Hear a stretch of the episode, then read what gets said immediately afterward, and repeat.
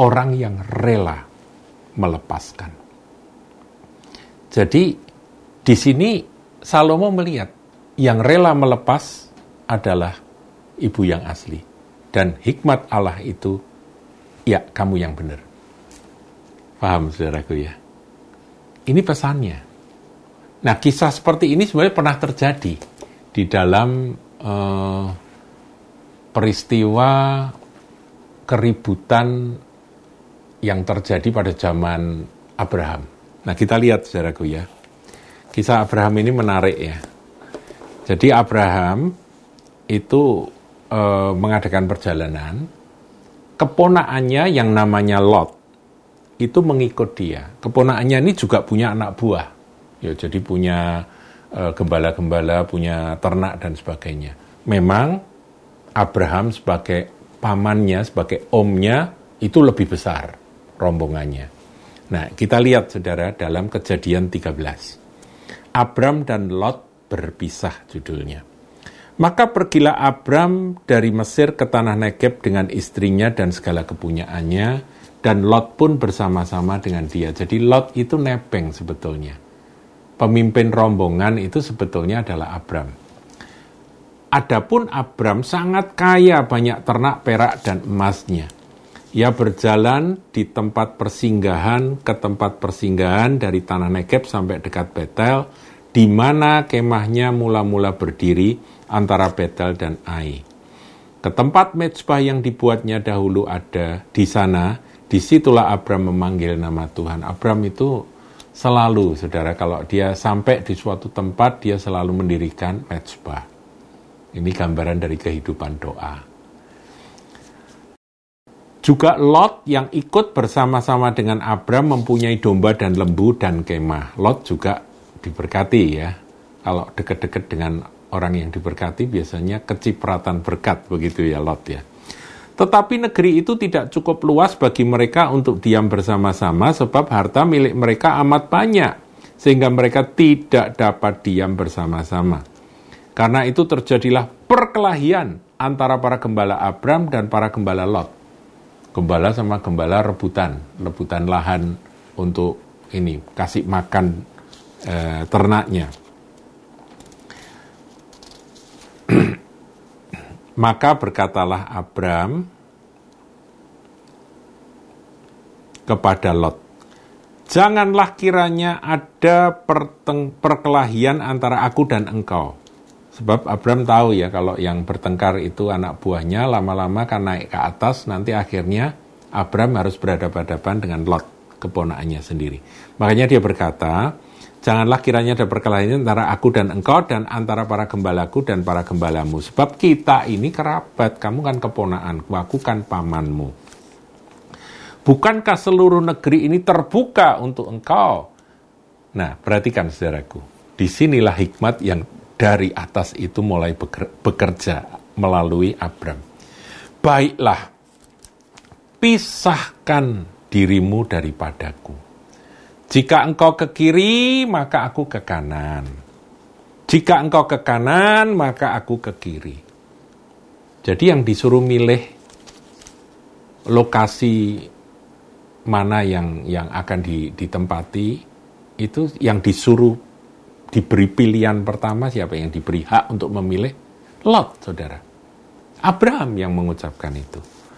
Lalu Lot melayangkan pandangnya dan dilihatnya bahwa seluruh lembah Yordan banyak airnya.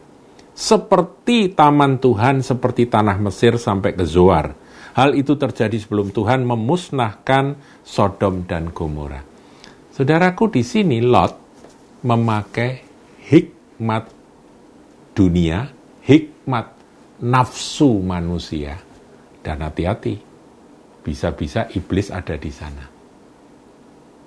Dia lihat toh, matanya melihat, wah ini tempatnya bagus seperti taman Tuhan, subur sekali lembah Yordan. Dekat Sodom dan Gomora. Dia memilih tempat itu.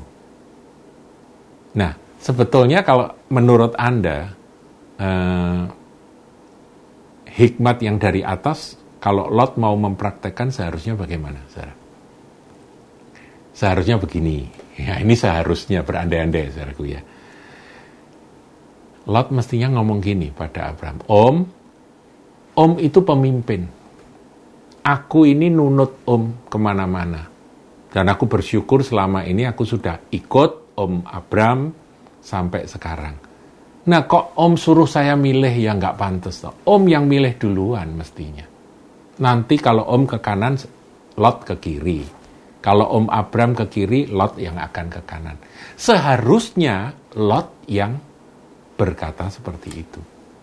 Tapi Lot ada nafsu manusia yang serakah. Kesempatan disuruh milih, tak milih yang bagus menurut hikmat manusia, hikmat dunia. Tanpa sadar, akhirnya Lot milih sesuatu yang sangat mengerikan. Di masa depan, tempat yang dipilih oleh Lot itu akhirnya dimusnahkan oleh Tuhan. Dan kehidupan Lot pun kita tahu, saudaraku, sangat-sangat menyedihkan. Bagaimana dua anak perempuannya sampai bikin mabuk dia, kemudian uh, sampai mereka melahirkan keturunan dari Lot. Dua anak perempuan. Nah ini kan belajar dari mana ya? Dari Sodom Gomora yang secara moral kacau balau, ya kan? Istrinya jadi patung garam karena noleh kepada harta harta dunia. Lot sendiri setelah anak-anak gadisnya yang dia sayangi, saudara, seorang ayah yang punya anak perempuan, bagaimana perasaan Anda? Sayang sekali ya pada anak-anak perempuan, apabila anak sudah mulai besar, rasa sayang tidak berubah. Di pandangan orang tua, seorang ayah, anak perempuan itu gede seperti apa pun tetap di matanya itu seperti terbayangnya itu seperti pada waktu masih kecil, masih lucu itu, saudara, masih lari-lari, masih minta gendong, seperti itu pasti. Itu orang tua, saudara. Nah sekarang dia harus menghadapi satu fakta, anaknya gendong bayi. Masing-masing dua kakak beradik ini gendong bayi. Bayi itu bayinya dia, anaknya dia kalau dia gendong anaknya itu, bayi itu, ini cucu atau anak, saudara? Cunak itu namanya. Ya cucu ya anak. Ngerti, saudara? Kalau anak ini manggil, manggil Lot gimana? Opa atau papi? Itulah penderitaan yang luar biasa. Lot ini orang yang takut Tuhan sebetulnya. Tapi dia tidak memakai hikmat yang dari atas. Nah sementara ayat 11 dikatakan sebab itu Lot memilih baginya seluruh lembah Yordan itu lalu ia berangkat ke sebelah timur dan mereka berpisah. Abraham menetap di tanah Kanaan. Tapi Lot menetap di kota-kota lembah Yordan dan berkemah di dekat Sodom. Saudaraku, hikmat yang dari atas, salah satunya yaitu ngalah, mengizinkan orang lain memilih. Mengalah, seperti tadi, perempuan yang mamah yang sesungguhnya itu melepas. Kalau melepas, itu salah satu tindakan dari hikmat yang dari atas. Dan itu dibela oleh Tuhan. Abram dibela Tuhan. Lot terjerumus. Saya berharap renungan ini menjadi berkat buat kita. Barangkali Anda diperhadapkan pada sebuah eh, persimpangan, bagaimana harus memutuskan. Salah satu dari hikmat yang dari atas adalah melepas dan merelakan dan uh, apa melepas hak saudaraku dan Tuhan akan membela. Tuhan Yesus memberkati.